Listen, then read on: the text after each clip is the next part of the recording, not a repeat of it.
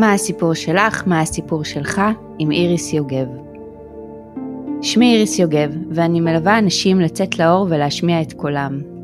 היום יחד ננסה להבין מה מנהל אותם מתחת לפני השטח, מה הסיפור המשמעותי ביותר שהשפיע על חייהם, ואיזה כוחות הם קיבלו ממנו. לשיחה היום הזמנתי את יאנה דרום. היי יאנה. היי יוש. מה קורה? הכל בסדר, ברוך השם. יופי. יואו, אני מתרגשת, את יודעת? גם אני, פתאום גם אני אני. מרגישה את זה, את הפרפרים בבטן. אה, אז אה, לפני שנצלול ונתחיל, אה, תציגי את עצמך. אז אני יאנה דרום, בת 41, נשואה לעמי, יש לנו שלושה ילדים, תואר ראשון בכלכלה, תואר שני במנהל עסקים, אבל איך אומרים, החיים לקחו את ההצגה הזאת למקום אחר, אז uh, היום אני יזמית, יש לי חנויות uh, הלבשה תחתונה לנשים שמתמודדות עם סרטן השד, אני מרצה, יש לי הרצאה שנקראת איך לגדל שמחת חיים, ויוצרת תוכן. ואני עוד לא מעיזה להגיד סופרת, אבל יצא הספר הראשון. ואם אני אומרת יצא הספר הראשון, המדריך לשמחת חיים, אז זה כבר אה, אמרתי ליקום, יש גם שני בדרך. וואו. כן, כן, עכשיו זה השיא עם כן. הספר. כן, זה מאוד... גם אה, שיא ההתרגשות וגם, אה, מה הוא, רב מכר?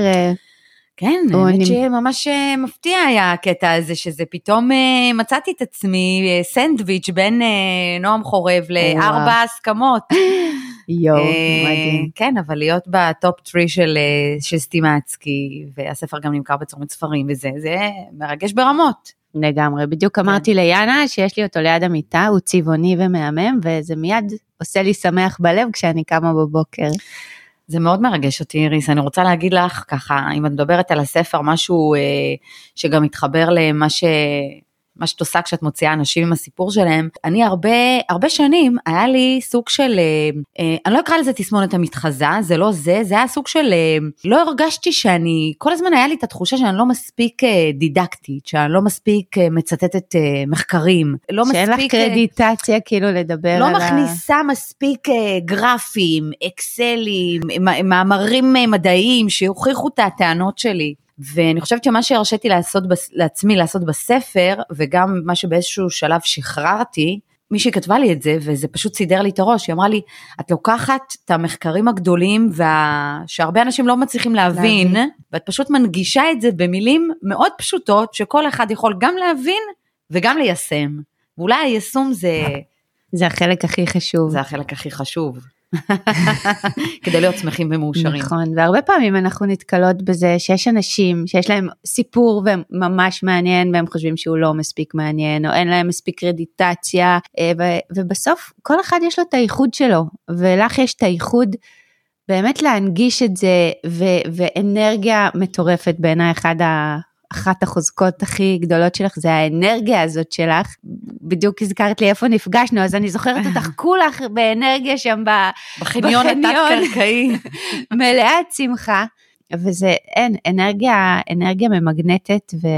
ולא זה סתם מדבק, את... אה, זה מדבק, כן. לגמרי. זה מדבק, זה, על זה אני מדברת המון. גם אנרגיה טובה וגם אנרגיה פה לא טובה. כי לא יודעת אם הגעת לפרק הזה על המרמרה club, אבל את יודעת, אני, אני תמיד מגדירה אנשים שהם ממורמרים כאלה, וכל הזמן מחפשים על מה לקטר וזה, ו, וכל אחד מכיר כאלה. זה מזכיר לי שיש לנו אחד כזה בחבר'ה, שהוא כאילו כל פעם שמפרסמים שיש איזה מפגש בחבר'ה, אז הוא תמיד פתאום נכנס ומוריד לך תחזית של מזג אוויר, ואומר, יש מצב שעוד שבוע יהיה כאילו, מי בכלל. חשב להוריד עכשיו תחזית מזג האוויר לפני המפגש כדי לראות אם בטעות לא יהיה בספטמבר גשם. אבל זה המרמרה club, וכמו המרמרת שהיא מדבקת, כי בן אדם שהוא מאוד עצוב או שהוא כזה נכון, נכנס מוריד. למשרד, אז הוא איכשהו מצליח גם בעבודה, גם בבית, מישהו מהמשפחה מצליח להדביק את כולם, אז, אז כן, גם אנרגיה חיובית, ואני, זה הייעוד שלי, להדביק אנשים ב... ייעוד מעולה מצאת לעצמך, כן. אבל רגע לפני שניכנס ככה לעומק השיחה ולהבין מה הסיפור שלך ואיך הפכת מבן אדם אה, לא מוכר ליאנה דרום שכולם מדברים עליה, שיש לה הרצאה בין המבוקשת היום בארץ, ולא סתם שהגעת גם למקום השלישי בסטימצקי עם הספר שלך. שני, אז- שני. שני, שני, שני, ו, ואיך אה, אה, אותי באופן אישי זה ממש תמיד מסקרן לראות איך אנשים עושים את הקפיצה הזאת. אז אה, אני מאמינה שלכל אדם יש סיפור. סיפור שהוא מחזיק, מדחיק, סיפור שהוא מפחד ממנו, שהוא לא מסכים לספר אותו קודם כל לעצמו. רק ברגע שהם מסכימים ככה לדבר עם הסיפור הזה ולעבור דרכו, אפשר באמת אה, להעיז להיות אה, חשופים על הבמה ולהיות גם בטוחים ונוכחים, ובשביל להיות בחוץ, להיות טאלנט, להיות מרצה, דרוש דרושה, דרוש הביטחון הזה והחשיפה כדי לעמוד שם אה, בחוץ בביטחון ולספר את הסיפור ואפילו שקופץ לך בראש מי את ולמה את ורגע לא אין לי את המחקר הזה או לא הבאתי איזה אסמכתה מקצועית, אה, עדיין להמשיך ולעשות את מה שאת עושה עם אנרגיה מטורפת וביטחון ולהשפיע על כל כך הרבה אנשים, לא להיות במרמרה אלא להיות בשמחת חיים. כן. אז אני רוצה רגע אה, שנתחיל מסיפור משמעותי, זה יכול להיות בילדות או בבגרות, שהשפיע מאוד על החיים שלך. וואי, את שואלת אותי את השאלה הזאת בתקופה שהכי טוב היה לשאול אותה. כאילו, כי, כי התשובה בשלוף, והיא לא הייתה בשלוף הרבה שנים, הרבה זמן. אני אגיד לך למה. יש עכשיו סדרה חדשה בכאן 11, שקוראים לה סובייצקה. נכון. שזה סדרה על העלייה של שנות התשעים, העלייה הרוסית, איך היו החיים שלהם ואיך הייתה התמודדות ו... וכל מה שהם עברו. ואני מוצאת עצמי, עכשיו זו סדרה שהיא מצחיקה, בין, היא מרגשת, אבל היא הומוריסטית גם, ואני מוצאת עצמי כל פרק מגשדרת את החיים, ובמילים יותר אה, מנומסות, בוכה, כי זה פשוט, באמת, זה, זה, זה בול, אבל בול מה שה... מה, כאילו זה בול הילדות שלי, ו... אני מבינה עכשיו שזה כנראה של כל שם. העולים וכל ה... אה, בוא, אני בת 41, אז בערך כל האנשים בגיל שלי שעלו לארץ בגיל 7, 8, 9, 10, אחי היה אז בן 13, זה ממש כאילו סיפורים מדויקים, והסיפורים האלה, אני מבינה, גם שאני עכשיו רואה את הסדרה וזה ממש מחזיר אותי להמון סיפורים, כי המון, חלק מהסיפורים הדחקתי, הדחקתי. את מנסה להרים אותם, להוציא אותם. להוציא את הסיפורים האלה, אנשים מדחיקים הרבה סיפורים שהפכו אותנו למי שאנחנו היום, אבל נכון. בסדרה אני רואה בדיוק את כל הסיטואציות שעברתי אה, כילדה עולה חדשה לעולים, לזוג הורים בני 40 שעלו לארץ אה, עם שני ילדים, לא יודעים את השפה, והפכתי באמת ברגע אחד מילדה בת שבע לאימא, לכל דבר. כי זה באמת אה, דרש ממני כל הילדות אה, להיות המבוגר האחראי בבית. אה, מה זה אומר? לטפל בבירוקרטיה מול כל הנושא, ביטוח לאומי, בנקים, טלוויזיה, ספקים. יש המון סיפורים קשים. אחד. את יודעת, אני אספר אחד. ואני אבכה, אבל אני אספר סיפור אחד כי הוא גם מתחבר לפרק שהיה בספר, ב, גם בספר בתוכנית. שלי, אבל גם בתוכנית, שבעצם אה, מפטרים את האבא מהמפעל אחרי המון שנים. את ו- אבא שלך? את, את אבא של, לא, אני מדברת על הפרק בס, 아, אה, בסדרה, אוקיי. ואני אחבר את זה. אוקיי. מפט, מ, מ, זה מתחבר לי להמון דברים, איריס תקשיבי, זה, זה בול בפוני. זה, מפטרים את האבא בסדרה מהמפעל שהוא עובד שם שנים, ואז הוא מגיע כדי בעצם לחתום אבטלה, ובביטוח לאומי מגלים שבעצם סוג של עבדו עליו כי הוא לא יודע את השפה, והחתימו אותו במפעל שהוא בכלל עצמאי ולא שכיר ואין לו זכויות. עכשיו בן אדם בגיל 60 פלוס, מפטרים אותו ואין לו זכויות והוא עכשיו כאילו צריך לפרנס משפחה ואין. ו, וזה החזיר אותי לאחד הסיפורים ש, שקרו לי כשאבא שלי, קודם כל היה, היה יום אחד ששני ההורים שלי חזרו ממקום עבודה עם מכתב פיטורים. שניהם חזרו באותו יום עם מכתוב מיטור. אני לא, לא זוכרת אם הייתי בת עשר או אחד, לא יודעת, כאילו ילדה צעירה. אז זה, זה הקטע הטראומטי, אבל מה שאני, מה שאני זוכרת, וזה, וזה יחבר אותי גם לעולם ההרצאות, ו, ו, ו, ו, ולמה אני מצליחה. תראי קשה להגיד למה אני מצליחה היום. אבא שלי אה, פוטר מהעבודה, ולא הבנו למה. ואימא שלי לא יודעת לדבר עברית, והוא לא יודע לדבר עברית, ואחי גם כאילו היה, מין היה לו פחד כזה ל, ל, לדבר, לדבר עם, הייתי אחראית על, על, על הדברים, ואימא שלי ביקשה ממני שאני אתקשר, הייתי בת 14, שאני אתקשר למנהל של אבא שלי, לבוס שלו, ואני אשאל אותו למה פיטרו אותו, ושבאותה נימה גם אבקש שיחזירו אותו לעבודה, כי, כי אנחנו צריכים את הפרנסה. ו- וזו סיטואציה כאילו שהיא בלתי נתפסת עבור ילדה לנהל שיחה כזאת עבור מי שאמור להיות עמוד התווך של הבית, שזה אבא ואימא. ואני מוצאת עצמי עושה את השיחה הזאת. ולמה אני מחברת את זה? ומה את מרגישה בשיחה הזאת? בואי נחזור רגע לילדה בת 14. כאילו זה מובן לך שאת עושה את השיחה הזאת? את מפחדת מהשיחה הזאת? אני מפחדת, אבל כאילו אין לי בכלל אין אופציה ברירה. לא לעשות את זה. אין לי בכלל אופציה כזאת, זה גם היה סוג של... קודם כל לדבר עם בן אדם שאת לא מכירה. שאני לא מכירה, בן אדם יותר מבוגר ממני, בן אדם שהוא מנהל, כל, ה, כל הסיטואציה היא לא, היא לא נורמלית בשום דרך, נכון. בשום צורה. הרבה שנים כעסתי, כאילו, על, על ההורים שלי קצת, ובכלל על, הס- על, ה, על המקום הזה, ש, ש, ש, ש, על המדינה, ש, שמביאה עולים חדשים ואנשים להתמודד עם סיט- סיטואציות כאלה. אבל אז, היום, היום כאילו כשאני עוברת את המסע שאני עוברת עם ההרצאות וכל מה שאני עושה, אני מבינה איך השיחה הזאת של הילדה בת ה-14 שמתקשרת לבוס של אבא שלה ומאמתת אותו עם... מה עם, את אומרת לו? אני לא בדיוק זוכרת מה אמרתי, אני באמת כאילו, אני חושבת שאפילו רשמתי לעצמי מה להגיד, כאילו. על דף, כדי שאני לא אשכח את שלא הנקודות, תתבלבלי. ושאני לא אתבלבל, אבל אני זוכרת ששאלתי אותו, למה פיטרת אותו? רציתי לדעת, כאילו, מה, מה, מה קרה? וכמובן לנסות לשכנע אותו להשאיר אותו בעבודה. זה לא עזר? לא עזר? הוא לא השאיר אותו? לא, הוא לא השאיר אותו ומה בעבודה. הוא אמר לך? הוא אמר לך למה הוא פיטר אותו? אמ, אני לא זוכרת מה הוא אמר לי, אני חושבת שהוא אמר משהו שהוא, שאבא שלי לא מספיק עובד טוב, או לא מספיק מקצועי עבורו, או משהו כזה.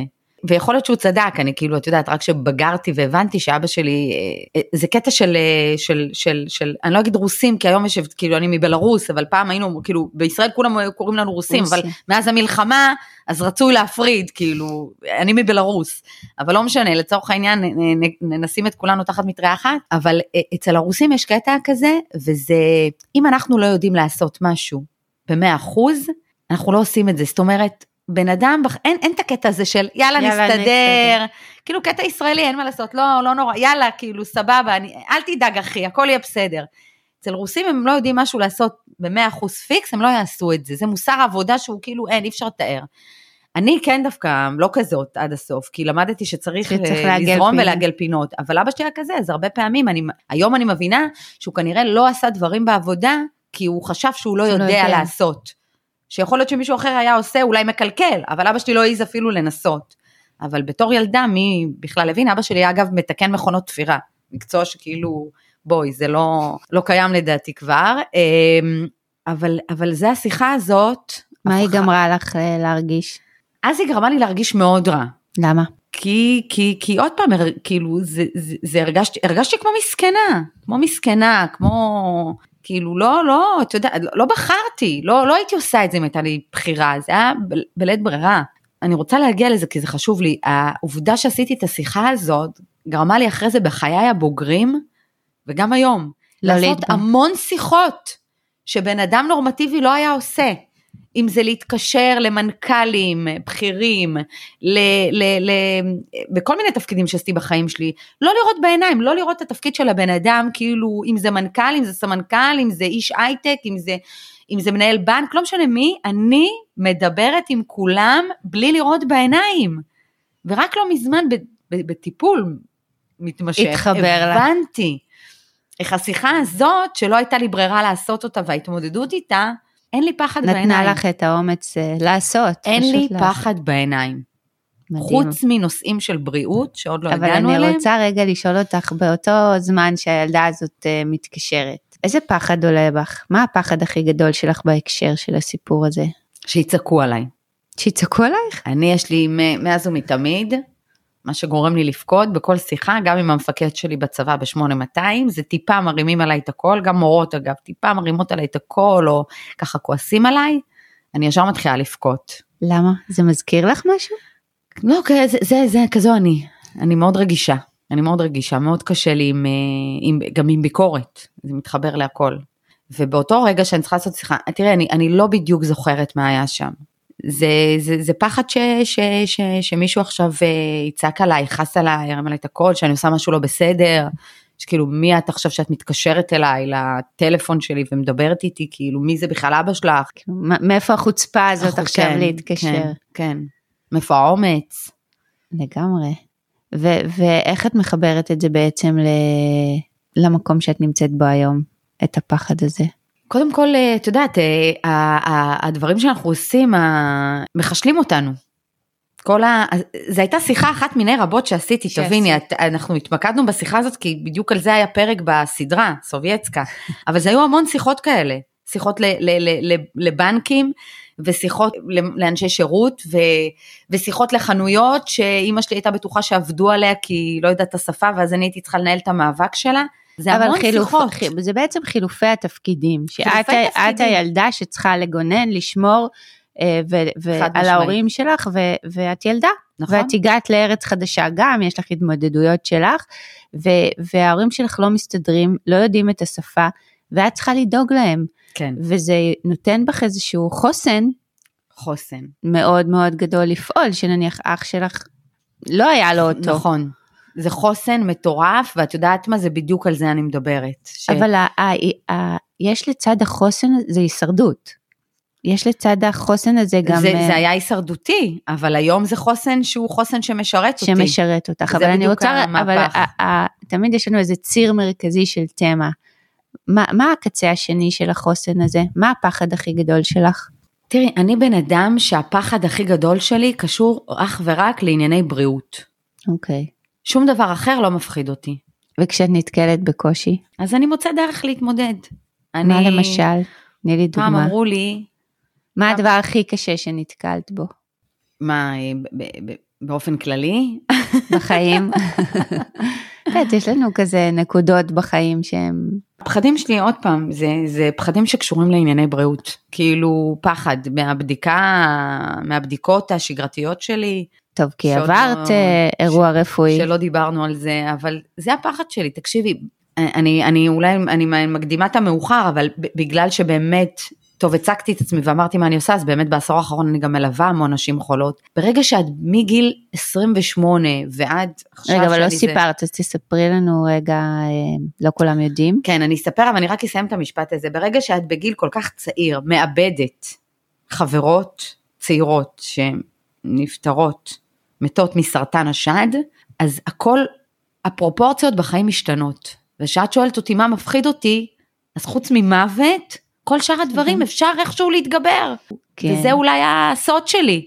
זה נכון. אולי גם הסוד לשמחת חיים. לא זה, אולי, זה, זה גם, חלק. זה גם נותן איזה מין, יש משברים כאלה בחיים שאתה אומר, כאילו, אין לי יותר מה להפסיד, אלא רק להרוויח. זאת אומרת, נכון. עכשיו נשארו לי חיים, אז אני אעשה הכל כדי לחיות אותם עד הסוף, אני אתגבר על כל פחד או שיחה שיש לי בראש, ואני ארים את הטלפון למי שצריך ואני אקדם את הדבר הזה, כי כאילו קיבלתי פה חיים, זה אח, כאילו, כן. אחרת אני חיה מתה. זה בדיוק, זה, זה, ה- זה הפרופורציות שלי. אז באמת בגיל 28, שהייתי ככה בחצי שנה אחרי החתונה שלי, ובחודש שלישי הריון ראשון, אז בעצם אה, גיליתי שיש לי סרטן השד, לא היה מפתיע, כאילו, נראה לי שלא אמרתי את זה אף פעם, שזה לא היה מפתיע. זה לא היה מפתיע כי אימא שלי חלתה, ושתינו נשאיות של, של, של ה-BRCA1, שזה גן שמגדיל את הסיכון לחלות בסרטן השד וסרטן השחלות. אבל הנה, את מדברת על פחד, זה כאילו, הייתה לי תחושה שאני אחלה, למרות שזה סטטיסטיקות והכל, אבל הפחד היה והפחד התממש. אה, רק זה לא היה בתוכנית שלי, כי אני אמרתי, "טוב, אוקיי, בטח זה יהיה בהמשך החיים, אז אני אולי אספיק לעשות את הכריתת שדיים מניעתית, כל, מה, כל הדברים. שהומלץ לי לעשות. אבל מאוד רציתי ללדת את, ה, את הילד, הילדה, אז לא ידעתי אפילו אם זה בן או בת, את התינוק הראשון ולהעניק וזה, ואז אני אעשה את כל ההמלצות של הגנטיקאי לה- להורדת הסיכון. אז לא הספקתי. אגב, את כי זה יודעת, היה בגיל מאוד צעיר. זה היה מאוד צעיר, אגב, את יודעת, הקטע הזה של הלא הספקתי, בגלל זה אין לי יותר את הקטע הזה של הלדחות. לדחות. כי כולה רציתי תשעה חודשים להעביר הריון בשקט ו- ו- ואז לעשות כריתה מניעתית של השדיים, והנה זה תפס אותי באמצע ההריון, אז כל מה, ש- כל מה שאנשים אומרים, אני רק אחכה עוד שנה, עוד חמש, עוד עשר, תשעה חודשים לא נתנו לי לחכות. ליהנות מה, מהדבר הזה כדי להבין שתוכניות לחוד, מציאות לחוד, ואם אני רוצה משהו, אז כדאי לעשות אז, אותו אז עכשיו. נא לעשות אותו עכשיו. ויש לך עוד ילדים. כן, כן. אחרי זה, אחרי שהחלמתי וסיימתי את סאגת הטיפולים הכימותרפיים, הקרנות, כריתת שד, אה, ילדתי את הבת השנייה שלי, שיר. אמרת לדעתי בהתחלה שהצגת את הפודקאסט, אז אמרת אירועים אה, משני חיים. משנה חיים. אז uh, בהיריון עם שיר, שהוא היה מאוד מאוד שמח ומהר מאוד uh, הפך להיות עצוב, כי בחודש שלישי מההיריון איתה, אז אימא שלי נפטרה. וזה היה רגע מאוד קשה, וגם אני מנאחזת בה כאילו ב, ב, בדברים הטובים, זה שהיא ידעה שאני בהיריון, אחרי שחליתי, שאני שוב בהיריון. שנכנסת שוב להיריון. אז כאילו, אני, אני משכנעת את עצמי ב, ב, בזה שהיא הלכה בידיעה של, הנה, ממש הבראת לגמרי, כאילו אם הצלחת לייצר חיים, ואחרי זה נולד פלג הקטן. המתוק, השובב שעלה לכיתה א' לפני יומיים, וזהו, ואז עשיתי כריתת שחלות כדי להוריד את הסיכון. בעצם אה, לחלות. ועבדת עבדת בנמל, בנמל חיפה, כן, נכון? כן. בתור? אה, מנהלת שיווק. אז אה, איך... אה, איך עשיתי את איך הזה? עשית את התפנית הזאת של אה, לעבור כל- ממנהלת שיווק למרצה? עשיתי גם לפני זה תפקידים יותר אה, זה, אני לא יודעת אם את יודעת, מה? דברים יותר אה, מסקרנים. קודם כל, היה רגע אחד בחיים שמאז שהוא קרה, אני לא נתקעת בשום מקום, אוקיי? וזה קרה, הייתי כלכלנית בחברת חשמל, כשהייתי באמצע התואר הראשון שלי. ואני לא אשכח איך הגעתי למשרדים המפוארים של חברת חשמל, לקומה 21, לרעיון עבודה, ואמרתי, אני בפסגת חלומותיי, אני הולכת לעבוד פה במקום הזה עם המעליות השקופות, עם הארוחת צהריים, עם הדמי אה, דמי ביגוד, קרן השתלמות וכל החלומות הרטובים של כל אה, אה, עולה חדשה שעברה ילדות ככה זה וההורים נאבקו לפרנסתם והנה אני הולכת להיות כלכלנית בח- בחברת חשמל. חצי שנה לתוך האקסלים והחשבוניות והבנתי שזה לא בשבילי. וזה היה הפעם הראשונה בחיים שעשיתי החלטה שהיא הייתה החלטה נטו רגשית, אינטואיטיבית, ועזבתי את העבודה והלכתי להיות בכלל כתבת ספורט בחדשות המקומיות. כן. עכשיו למה אני מציינת את זה? את אומרת יאנה מה הקשר עכשיו ולמה את מסבכת אותנו עם סיפורים שלא קשורים? זה קשור, למה? זה בדיוק ההזדמנויות שמגיעות להרבה אנשים בחיים והם לא לוקחים. והם לא לוקחים אותם. בגלל כל מיני שיקולים, אולי מאוד הגיוניים, אולי מאוד רציונליים, אולי מאוד אה, מנוהלים על ידי המון פחדים. נכון, אבל דווקא את שהיית צריכה כל כך יציבות, כי באת מבית חסר יציבות, והגעת כאילו לעבודה שכולם חולמים עליה מבחינת 20 שנה עכשיו בחברת חשמל, את יוצאת מסודרת עם פנסיה, עם הכל, התמודדת שם עם, אה, כאילו, עם עם- איזשהו נכון. פחד ודיסוננס מאוד מאוד גדול, ו, ועזבת, כי הקשבת ללב שלך, הלכת אחרי החלומות שלך. כן, אה, ופה אני חושבת שהמון אנשים מוותרים ונשארים בעבודה נכון. הקבועה, הטובה, אה, כדי שיהיה להם את הפנסיה. זאת אומרת, פחות חיים את עכשיו ויותר חיים את העתיד. נכון. נכון, נכון, ו- וכל זה עוד, ההחלטה הזאת הייתה לפני שחליתי, כאילו, כי תמיד אומרים, "אה, תמיד היית כזאת אופטימית ונועזת ו- וזורמת ואמיצה, אז אני מדברת איך על סיפורים לפני לפני. שחליתי בסרטן השד בכלל, לפני ש... כאילו, אבל אני חושבת ש- שהצעד הזה, שאני לא, לא אמשיך את הסיפור, אבל זה, זה הוביל להמון המון שינויים בקריירה שלי, אוקיי? בין היתר גם איך הגעתי לנמל חיפה, זה, זה חלק מה, מה, מה, מה, מהאירועים שהתרחשו בעקבות ההחלטה הקטנה הזאת, אז לא ללכת במסלול הטבעי הטבעי. הרגיל ש, שמצופה ממני, אלא להגיד לא, וללכת למקום הכי לא קשור, כאילו כתבת ספורט בחדשות מקומיות. ואני זוכרת שגם הבוסית שלי אז, יפעת, בחברת חשמל, כשאמרתי לה לא, למרות שהיא היא, הייתה שרופה עליי, כאילו הייתי ההפי פפי של הארגון, עזבי, תועלת כלכלית לא בטוחה שהייתה שם, אבל הייתי עושה שמח במחלקה, וזה לא פחות חשוב אגב. זה הכי חשוב, דיברנו אה, על אנרגיה. ו- והיא אמרה לי, יאנה, את יודעת, אני, אני בצער רב מקבלת את ההחלטה שלך, אבל אני יודעת שאת הולכת למקום ש- שהוא הרבה יותר הרבה מתאים יותר. לך לאופי ולמי שאת. אבל מה אני באה להגיד פה? ש, ש, שזה בדיוק החוכמה, לדעת לראות את ההזדמנויות, לקחת אותם, לתת לחיים, להוביל אותנו בלי, כאילו, ו, ו, ו, גם ולעשות את כשאין לנו השינויים. ביטחון, ולהסכים כן, לעשות את כן. השינויים. וגם, וככה הגעתי איכשהו, בסופו של דבר הגעתי לנמל חיפה והייתי שם מנהלת שיווק, אבל... ומה, ומתי עשית את השינוי בעצם ל... והפכת להיות מרצה? קודם כל הפכתי להיות עצמאית, שפתחתי את העסק של החולות סרטן, את החנויות. חנויות, ואז אוקיי? עזבת את ה... ו- ואז עזבת את ה... את ואז הנמל? עזבתי את הנמל כדי לפתח את העסק, וגם אז הבוסית שלי, אליצ'ה פרנקל, סמנכ"לית השיווק, אמרה לי, אני כל כך נותנת לך את ברכת הדרך, ואני כל כך, את יודעת, הם כל כך אה, נתנו לי, מה שנקרא, שחררו אותי, כי הם ידעו שאני הולכת לעשות משהו טוב, ו, ו, ואגב, אני אתן פה איזה קלישה, כי אין מה לעשות, זה חזק ממני, אבל אה, אמרו לי, אז יאנה, כאילו, איך את עוזבת עבודה, נמל חיפה, ואז כבר הייתי עם, אה, עם שני ילדים, זה כבר לא החלטה של סטודנטית של יאללה, סבבה, זה יש כבר פרנסה, יש בית, יש דברים וזה. אז אני תמיד אה, אומרת שהעובר ושב שלנו לא נמצא בחשבון הבנק. העובר ושב שלנו נמצא בלב, והלב צריך להיות בפלוס. וככה, זה מה שמוביל אותי. אגב, גם היום שאני מסרבת להרבה דברים, או אומרת כן להרבה דברים, לא- זה לאו דווקא נמצא באיזשהו אה, אה, קשר לינארי עם השכר שאני מקבלת או לא מקבלת. זה הרבה פעמים באמת מה שעושה ללב, מה שממלא שלך. אותי. אה, ואז גם הרבה יותר אה, קל לחיות את החיים. אבל פתחתי את העסק, ו- ואם את רוצה שנגיע, את רוצה שנגיע להרצאה, כן. איך התחלתי להרצות, זה שהתחלתי להתנדב. ולמה זה חשוב לי להגיד את זה?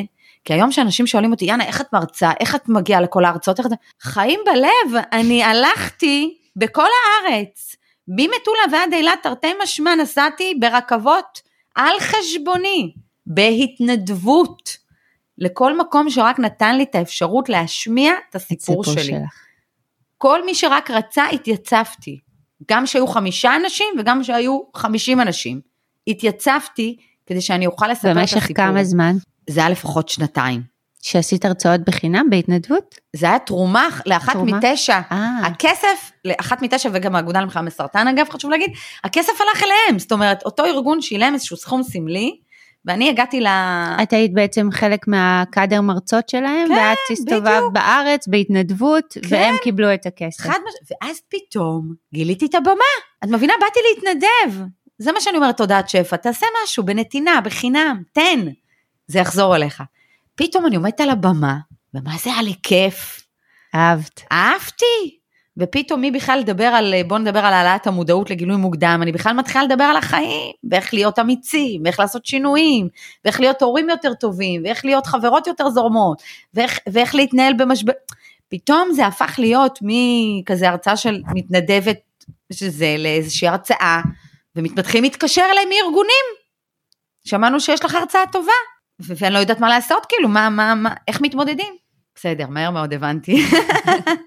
ואז מה? את מחליטה אה, גם לקחת את זה לצעד הבא, מההרצאה של, אה, של בעצם אה, חולה של- שהיא בריאה, כן, כן, שמרצה רק חודש בשנה, כן. לבנות הרצאה שיש לה ערך, שהיא כן, לא מתויגת בדיוק. סרטן השד. אני גם זוכרת ממש הרצאה של איזושהי חברת הייטק, שאמרה לי המנהלת משאבי אנוש, תקשיבי, אנחנו, אנחנו ממש רצינו לשמוע עוד, עוד. כאילו עוד דברים, עוד סיפורים, עוד תובנות, ואז לקחתי את זה באמת ברצינות, כי עד אז אני כאילו בניתי את הפאורפוינט ואת המלל. ואז מה עכשיו את זה הקטע עושה? השיווקי להגיד, כאילו, כי זה הכי שמה? כאילו אמיתי. ישבתי עם גלית ואיתך, ו- ורציתי לקחת את זה צעד אחד קדימה. שלא רק איזשהו סיפור אישי, כי אני חושבת שבאמת יש סיפורים, לכל אחד יש סיפור, בוא נתחיל מזה. באמת, נכון. לכל אחד, כל אחד שאנחנו רואים ברחוב יש לו איזשהו סיפור. חלק זה סיפור מאוד קשה, לחלק זה סיפור שבשבילם הוא מאוד קשה, אבל תכלס כאילו זה החיים פה, שלהם. כן, אבל uh, הבנתי שאני רוצה להפוך את זה למשהו מקצועי ומהר. רגע, אבל לפני זה את כבר, יש לך סוכנת מרצים, מה שזה לא מובן מאליו ל... זה לא היה בהתחלה. לא, אני יודעת. כן. באיזה שלב את חוברת לקרן? לוקח זמן, לוקח זמן, ואני אגיד לך יותר מזה, גם כשהתחברתי עם קרן, לקח גם ל, ל, ל, היא ישר לצוות הסכימה שלה, לקבל אותך? היא הרגישה את האנרגיה. היא הרגישה. כאילו היה משהו שהתחבר. אבל, ומה שיפה זה שהיא לא, שהיא, שהיא אמרה לי, לכי לעבוד. מה זאת אומרת? לכי תשמעי? מרצים טובים. אמרה לי, בואי, זאתי המרצה הכי טובה, זאת, זה המרצה הכי טובה. לכי תשמעי אותם. נסעתי, הייתי נוסעת איפה שהם היו מרצים, הייתי נוסעת, הולכת, שומעת את המרצים שקרן אמרה לי שהם המרצים הכי טובים במדינה. ו, ושפצורים של ההרצאה, של התוכן, של הכל. ו- ו- ובסוף, את יודעת, ככל שהתחלתי לקבל יותר הרצאות, והיא הייתה מקבלת פידבקים מהלקוחות, אבל. זה לקח זמן, זה לקח זמן. את זוכרת איזה רגע של אה, שבירה, רגע של ייאוש, רגע שאת אומרת, כאילו, מה אני צריכה את כל הבלגן הזה? רגע הייאוש הראשון, רגע, היו כמה רגעי ייאוש והם, והם טובים. הם טובים, תראי איך אני אומרת, הנה יצא לי אין, טבעי. יש לך אנרגיה מהממת. אין, מתעלפת, יצא לי טבעי והם אה, זה, והם טובים. רגע ראשון, אני מדברת לפני שהייתה לי סוכנת, כי זה באמת, קרן, קרן ואני עובדות ארבע, חמש שנים ביחד, אבל אני כבר איזה שמונה שנים עושה את זה. רגע אחד של, תקשיבי, התקשרה אליי מישהי, היא אומרת לי, את לא מבינה, אחותי שמעה אותך בטכניון, היא לא מפסיקה לדבר עלייך, אני חייבת להביא אותך, יש לי משרד עם... עם אה, אה, 20 עובדות אה, ועובדים, ואני חייבת שתבואי להרצות אצלנו. סגרה איתי, מחיר, שעה, הכל, רשום ביומן. שלושה ימים בערך, אל תפסי אותי בזה. מתקשרת אליי, יאנה שומעת, אה, אחת העובדות נכנסה לאינסטגרם או לפייסבוק שלך, אני כבר לא זוכרת מה, והיא ראתה שאת הולכת לדבר איתנו על סרטן. וזה מה זה ביאס, אז נראה לי שאנחנו נוותר. והיא. ביטלה לי את ההרצאה. ואני הייתי בהלם. אני הייתי בהלם. הבחורה עפה עליי, ברמ... גם, גם אחותה שמעה אותי ואמרה לה כאילו, אחותך, לא תגידי עכשיו אני שכנעתי אותה. קיבלה המלצה רותחת. אין המלצה יותר מאחות שהייתה, שמעה והתעלפה. ביטלה לי את ההרצאה. אז אה, א', הייתי בשוק, וב', גם הבנתי משהו. הבנתי שזה שאני הולכת לדבר על נושא קשה, זה יהיה לי מאוד בעייתי בשיווק. צריך ופה אתה למתג את זה צריך כי אנשים לעשות, רוצים ערך ורוצים אה, אופטימיות ותקווה. וכן, וידעתי שיהיה לי, וזה היה רגע שבירה. אני נהייתי עמומה, נהייתי עמומה. ומה עשית ברגע הזה? או ברגעים שאחרי? קודם כל הבנתי שאני צריכה לשפצר את התקציר של ההרצאה. כשהמילה, קודם כל שהמילה סרטן לא תופיע. אני לא יודעת אם זה דבר טוב מה שאני אומרת עכשיו בפודקאסט, אבל את יודעת שאני בן אדם אמיתי לא, לא, אני ואותנטי. לא, אין פה טוב או רע. אנשים רואים סרטן, זה לא משנה מה תגידי להם, הרצאה כיפית, חיובית, אנרגיית על. אין, מבחינתם הם רואים את המילה סרטן, תחשבי שיש אנשים שלא מבטאים את המילה הזאת, נכון, אומרים המחלה, המחלה. מהפחד. אז זה מוריד, זה מוריד. אז אני חייבת להפוך את השיווק שלי. שיווק, בואי, שיווק זה, זה הדבר, הכל. כאילו יכולה להיות לאנשים הרצאה מעולה. שיווק זה שיווק וזה הכי חשוב. והבנתי שאני צריכה לשנות את התוכן, ובאמת שיניתי את התוכן, הורדתי את המילה סרטן, כתבתי משבר רפואי. אחרי זה את יודעת, זה כל הזמן כן. כן. עבר גלגולים. בסופו של דבר, באמת בהרצאה היום, אני לא מדברת הרבה על סרטן, אז אני כאילו לא... אני אגיד לך יותר מזה. גם אם הייתי אומרת התקף לב, אולי זה היה זה נתפס אחרת. כי גם זה סרטן וגם סרטן השד, אז גם מדכא וגם כאילו רק נשים התחברו, וזה לא נכון. אם הייתי אומרת התקף לב, אז גם גברים התחברו. זאת אומרת, היה פה כל מיני רצית ניואנסים. שזה יהיה גם לגברים וגם לנשים. ברור. שזה זה המשוכה השנייה שהייתי צריכה לעבור. נכון. עוד איזה... רגע משבר נוסף, אני אגיד לך שכבר הייתי הרצ... מרצאה מבוקשת וזה, ואני עפה על עצמי והולכת ארגונים וזה, ואז פותחים לי הרצאה בכפר יונה, אני זוכרת שסיפרת לנו. ופותחים לי הרצאה בכפר יונה. עכשיו, אני, כש... כשמישהו מזמין אותי להרצאה, וזה לא הרצאה שאני יזמתי, אז אני... אם לא לא מבקשים משווק. ממני, לא משווקת, בואי, איפה אני יכולה, איפה שאני יכולה לחזור, אני, אם מבקשים ממני בשמחה, אבל לא ביקשו, אמרתי, טוב, הם, זה, מגיעה, ב, את יודעת, לפני בבגדים כמה המוגזמים זמן שלי. זה היה? זה לא היה מזמן, זה היה לפני, לדעתי, שלוש שנים. אני מגיעה עם הבגדים המוגזמים שלי, באמת, עקבים וזה, חיה בסרט, יושבת בחוץ, שותה את הקפה, נכנסת לאולם, מחברת את המצגת, אולם, יש להם כזה, אולם כמו קולנוע. תרבות. לא, זה, אולם, זה אולמות קולנוע, זה ענק, זה מאות מקומות, מאות, לא עשרות, מאות מקומות, ו- ומסך ענקי של קולנוע, ואני אומרת, טוב, יאללה, נחכה לקהל. ואני מחכה, ו- והרחב, כי אני יושבת בחוץ, והרחבה ריקה, ואף אחד לא נכנס. ואז נכנסו איזה שני זוגות של אנשים ככה בני 70 פלוס, ואני אומרת לה, זאת שהביאה אותי מהעירייה, אני אומרת לה, או הנה זה. אז לי, לא, הם הולכים, יש פה, יש פה, ברידג'. יש פה סרט ב, ב, ב, ב, לידך, יש סרט, אז הם באו לסרט. מהון להון, נסיים. אגב, מהון להון, את יודעת שעד לא מזמן חשבתי שזה מהון להון, וכתבתי את זה עם א' ותיקנו אותי. תחשבי מה זה היה יכול לעשות לבן אדם שהוא טיפה מעורער. טיפה אבל לא, מעורער. אין מה לעשות, אבל מאז אני מקפידה, מהון להון. אז אה, מהון להון עמדתי על הבמה הזאת מול חמש. חמישה חמש- אנשים. חמישה אנשים, חמש נשים. חמש נשים, יאללה. הם, הם ישבו גם בשורה הראשונה, ואני גבוהה, ואני מסתכלת עליהם, ואני רוצה להגיד לך, איריס, שנתתי את כל כולי. נתתי את כל כולי, כי אני בתפיסה שלי, כאילו אומרת- העולם מלא.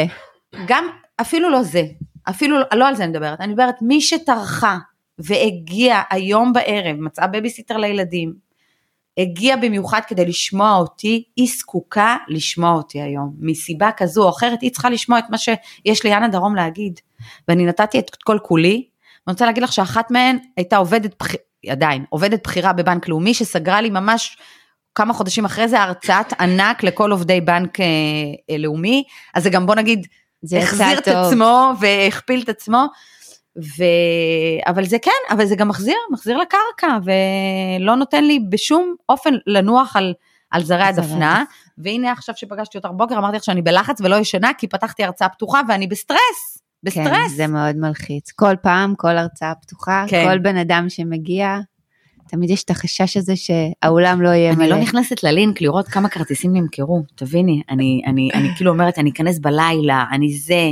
אגב, חריצות, אני חושבת שזו מילה סופר חשובה. נכון. אני, אני לא מפסיקה לעבוד בזה, בעוד פוסט ועוד סטורי ועוד איך תוכן. תספרי ו- לנו איזה, תני איזה שלושה טיפים על השיווק שלך, את עושה שיווק, שיווק, את מעלה תוכן נכון, כל הזמן, נכון, כל הזמן, נכון. וזה באמת, אני מסכימה איתך שיש הרבה הרצאות טובות, אבל אם לא עושים לזה שיווק, אני תמיד אומרת, גם כשאני מדברת עם אנשים ומרצים וסוכנים, גם שיש לך סוכנת מעולה, וגם שיש לך... בדיוק. הכל, את עדיין, את עושה שיווק, וכל מרצה, זה כמו כל עסק, בסוף, אם אתה רוצה שיכירו אותך, אם אתה רוצה לעבוד, אתה צריך לשווק נכון, את עצמך. נכון, חד משמעית. אבל זה, כאילו תמיד זה נראה מהצד שנורא קל לך, ושאת עושה את זה בכזה איזי, ואני יודעת שזה לא קל, כי זה סיסטמה, וזה לא יודעת כמה, נכון. לא יודעת איזה, מה, אה, כאילו, איזה תוכנית יש לך, אבל אני מניחה שיש. תני לנו ככה איזה שלושה טיפים שיכולים לעזור לנו. תראי, קודם כל, אם נחזור אחורה, וגם לאנשים שמתחילים להרצות, אין חבר או חברה שהיינו פוגשים בכל מעמד, אם זה בבית קפה, אם זה בארוחת ערב, אם זה זה, שלא הייתי שואלת איפה אתה עובד, איפה את עובדת, מי, את מכירה את המנהלת משאבי אנוש, אתה מכיר את המנהלת, שומע, אני אשלח לך מייל על הבוקר, תעביר רק לזה, ככה. ככה לפעמים את יודעת, עמי בעלי היה מתפדח, הוא אומר יאנה אנחנו כאילו ב, ב, ב, ב, עכשיו ב fun, מה עכשיו את כאילו נופלת על אנשים? הייתי נופלת על אנשים. כי אני אומרת אי אפשר, בלי בושה, כי, כי אני אומרת אם לא מכירים אותי ואני מתחילה מאפס, אני צריכה קודם כל לפנות לאנשים שמכירים אותי, נכון. ושבאיזשהו מקום יודעים שאני בסך הכל בן אדם נורמטיבי שיכולה להעביר להם good time בעבודה. אז אם זה יבוא, אז, אז ממש זה הטיפ הראשון, כאילו לתפוס את האנשים, את המעגלים. לספר ה... כמה שיותר כל הזמן. כל ולשלוח הזמן. גם, לשלוח להם גם את החומר כדי שהם יוכלו לעזור לכם. חד משמעית, זה לא היה רק במיל... זה החריצות, שהיום אני מרגישה שהיא חסרה איריס בינינו. אנשים רוצים הצלחה מהירה. נכון. אני הייתי תופסת נגיד את ידית שלי, יש לנו, יש לי חבר שעובד בטבע, לא אשכח את זה, מסכן, היינו בפיקניק על האש, ההוא עם המנגל. שומע, ניר? אז מה, אז, אז, אז מה המייל שלך? ככה, פותחת טלפון, רושמת את המייל שלו יום אחרי זה. מה יום אחרי זה? שולחת, לא, באותו אני, יום. יום שישי באותו יום, רק מתזמנת. לא נעים, תזמנתי שזה יגיע אליו ביום ראשון, בתשע וחצי בבוקר, אחרי שהוא יפתח את המיילים של העבודה, שהוא יהיה פנוי. הכל מתוזמן, מחושב. הייתי שולח, שלחתי לו מייל ניר שלום בהמשך לפגישתנו, טה-טה-טה-טה, אשמח שתעביר למנהלת משאבי אנוש עם תקציר של ההרצאה. כאילו ככה ולא רואה בעיניים. אז זה קודם כל, באמת. בלי בושה, בלי לא בושה, ו- ו- ו- ועל זה כל הזמן. דבר שני, באמת צריך להישאר בתודעה. תראה, אנחנו היום חיים בעולם שיש המון סלבים והמון סלביות, ואנשים, בין אם זה שחקנים, זמרים, יוצאי האח הגדול, יוצאי הזה וזה וזה, התחרות היא מאוד מאוד גדולה. ובסוף צריך להיות ברשת ו- ול- וליצור את התוכן, ואני אומרת, אם אני, לא יהיה לי את האומץ או את הזמן להעביר את המסרים שלי ואת התכנים שלי, אז איך אנשים ידעו על קיומי? אז איך אנשים יתגרו ויגידו, יואו, בא לי לשמוע עוד ממנה, או בא לי להביא אותנו, אותה למקומות עבודה. את יודעת, לפעמים זה מוכיח את עצמו ברמה שאני לא האמנתי. נגיד, סתם עובדת של גוגל, עוקבת אחרי באינסטגרם, בזכות זה נסגרה לי שם הרצאה. מזה שהיא עוקבת אחרי הסרטונים שלי באינסטגרם. אז, אז ברגע שזה גם מוכיח את עצמו, זה, זה, זה, זה, זה נותן עוד drive להמשיך, נכון. כן, אתה, זה כמו שאמרתי לך, גם ההרצאות קהל רחב מביאות לך הרצאות לארגונים, כי בסוף יש תודה, את מפרסמת את זה, אנשים בדיוק. שבאים להרצאות שלכם, אנשים מארגונים, כמו שדיברת על ההרצאה על החמישה אנשים, בסוף יש סינרגיה והיא מכפילה את עצמה ככל שאתה נכון. בחוץ, אין, אין, ככה זה עובד. חד משמעית. אז זה באמת... הדבר השלישי, אז אמרנו אה, לספר לכולם. כן. להיות חרוצים. חרוצים זה סופר חשוב. הדבר השלישי זה כל הזמן להתפתח. כל הזמן להתפתח. את יודעת, המאזינים אולי לא כולם יודעים, שאני כל הזמן עושה פגישות איתכם, איכשהו קצת לדייק, קצת לשנות, שאני רואה משהו שאני מרגישה שאני רוצה לדבר עליו יותר, אז להרחיב, מתאימה את עצמי, נגיד מאוד ב... מאוד קשובה לקהל. לקהל ולמה שקורה. ולמה שקורה. את יודעת, פעם הייתי אצל מרצה שנתן דוגמאות של, בשקפים של תוכניות טלוויזיה מלפני 20 שנה. עכשיו, היום את מגיעה להייטק, אנשים, אני לא כאילו זקנה, אני בת 41, אני רואה אותם, הם לא נשואים, לא זה, צריכה להתאים את עצמך לקהל, אז כל הזמן צריך לדייק, לדייק ולהשתפר. ולהתאים ולשאול גם וללמוד. מי הקהל וללמוד ו, וגם גם באמת להיות uh, אוטוריטה בתחום שלך, זאת אומרת את מגדלת שמחה ואני בטוחה שאת מתפתחת גם בתחום הזה, לראות מה עוד יש, להקשיב גם, לעוד אנשים. לגמרי, גם כל הזמן לומדת, קורסים, לא בשביל משהו, אנשים אומרים לי רגע מה יצא לי מזה, כל הזמן מה יצא. מה את לומדת? למדתי NLP ולמדתי מיינדפולנס וכל הזמן אני חולמת לעשות תואר שני בפסיכולוגיה חיובית. יאללה. כן, כן. וואו, יש לי עוד מלא מלא על מה לדבר איתך. נכון, וואי, גם לי, אני, אני בהלם, הלם. אבל אה, אנחנו, אה, טוב, זה משאיר לנו טעם לעוד, אה, כן. לעוד שיחה. כן, כן. אני ממש חושבת שאם אני מחברת את זה רגע לסיפור, אז הסיפור ילדות, בנוסף גם לתזכורת uh, למחלה לצערי שקיבלת, uh, באמת נתנה לך איזה, ש, ש, שזה גם לא, לא כל אחד מתעורר ככה ולא כל אחד חי באנרגיה כזאת מטורפת, אני חושבת שהאנרגיה שלך היא מתנת על, כאילו היא איזושהי מתנה, כל אחד יש לו את האימפקט שלו בחיים, אז... כן. היא, היא, אפשר להרגיש אותה בצבעים, במה שאת לובשת, ואת נכנסת לחדר, בקול שלך, בטון שלך, שזה, שזה מדהים וזה מדבק, ו, אנרגיה היא הכל. חשוב אז... להגיד שבאתי צבע... לבושה צבעוני למרות שזה פודקאסט ולא רואים אותי. נכון, כי זה, כי זה, כי זה בשבילנו, זה להיכנס זה למצב. את יודעת, ב... אחד הדברים, עבדתי עם אין ספור מנטורים מאוד מאוד בכירים, ולא משנה אם זה ההרצאה השלישית או הראשונה או החמישית באותו יום, או במה של סדנאות של הרבה שעות, הם היו נכנסים למצב לפני שהם עולים לבמה, בזון. ממש. אנרגטית, אם זה ריקוד, מוזיקה, כל אחד מה שמתאים כן, לו, כן. כדי באמת לבוא מפוקס ולהיות קשוב לקהל ולתת את המקסימום, אני חושבת שזה ממש ממש חשוב, ושזה באמת אפשרי לחלום ולהגשים ו- ולראות את ההזדמנויות שבדרך ולהקשיב ללב, זה היה מאוד חזק בסיפור שלך, נכון. ובא לי עוד uh, לדבר איתך שעות, אבל אנחנו חייבות לסיים, אז אני רוצה להודות לך שאת בתקופה מטורללת, שאני ממש מודה לך שפינית זמן ו... באת וואי, לדבר איתי. ותודה רבה שהאזנתם לנו, אתם יכולים להאזין בכל האפליקציות של הפודקאסטים. תודה לשלום על ההפקה מהפודקסייה. ואם אהבתם, אני אשמח שתעבירו הלאה. מוזמנים לבקר גם באתר שלנו, בדף העסקי של אה, לצאת לאור, וליאנה יש אה, הרצאה לקהל אה, כן. ממש בקרוב. ב-21 לתשיעי, וואי, אני מרגישה כמו הזמרים כן, שמוכרים איזה לא הרצאה. נורא, זה, הנה, זה עכשיו אנחנו מוכיחות להם את מה שלימדנו. בסינמה סיטי גלילות, הרצאה שפתוחה לקהל הרחב. זהו, מוזמנים להגיע בהמוניכם. ולקנות את הספר, המדריך לשמחת חיים. מהמם, ולנו יש קורס שנפתח בקרוב, אז אם uh, בוערת בכם לא, בוער בכם להוציא את הסיפור שלכם ולהפוך אותו להרצאה, אז uh, נשמח שתיכנסו לדף שלנו ותבואו. אז ביי.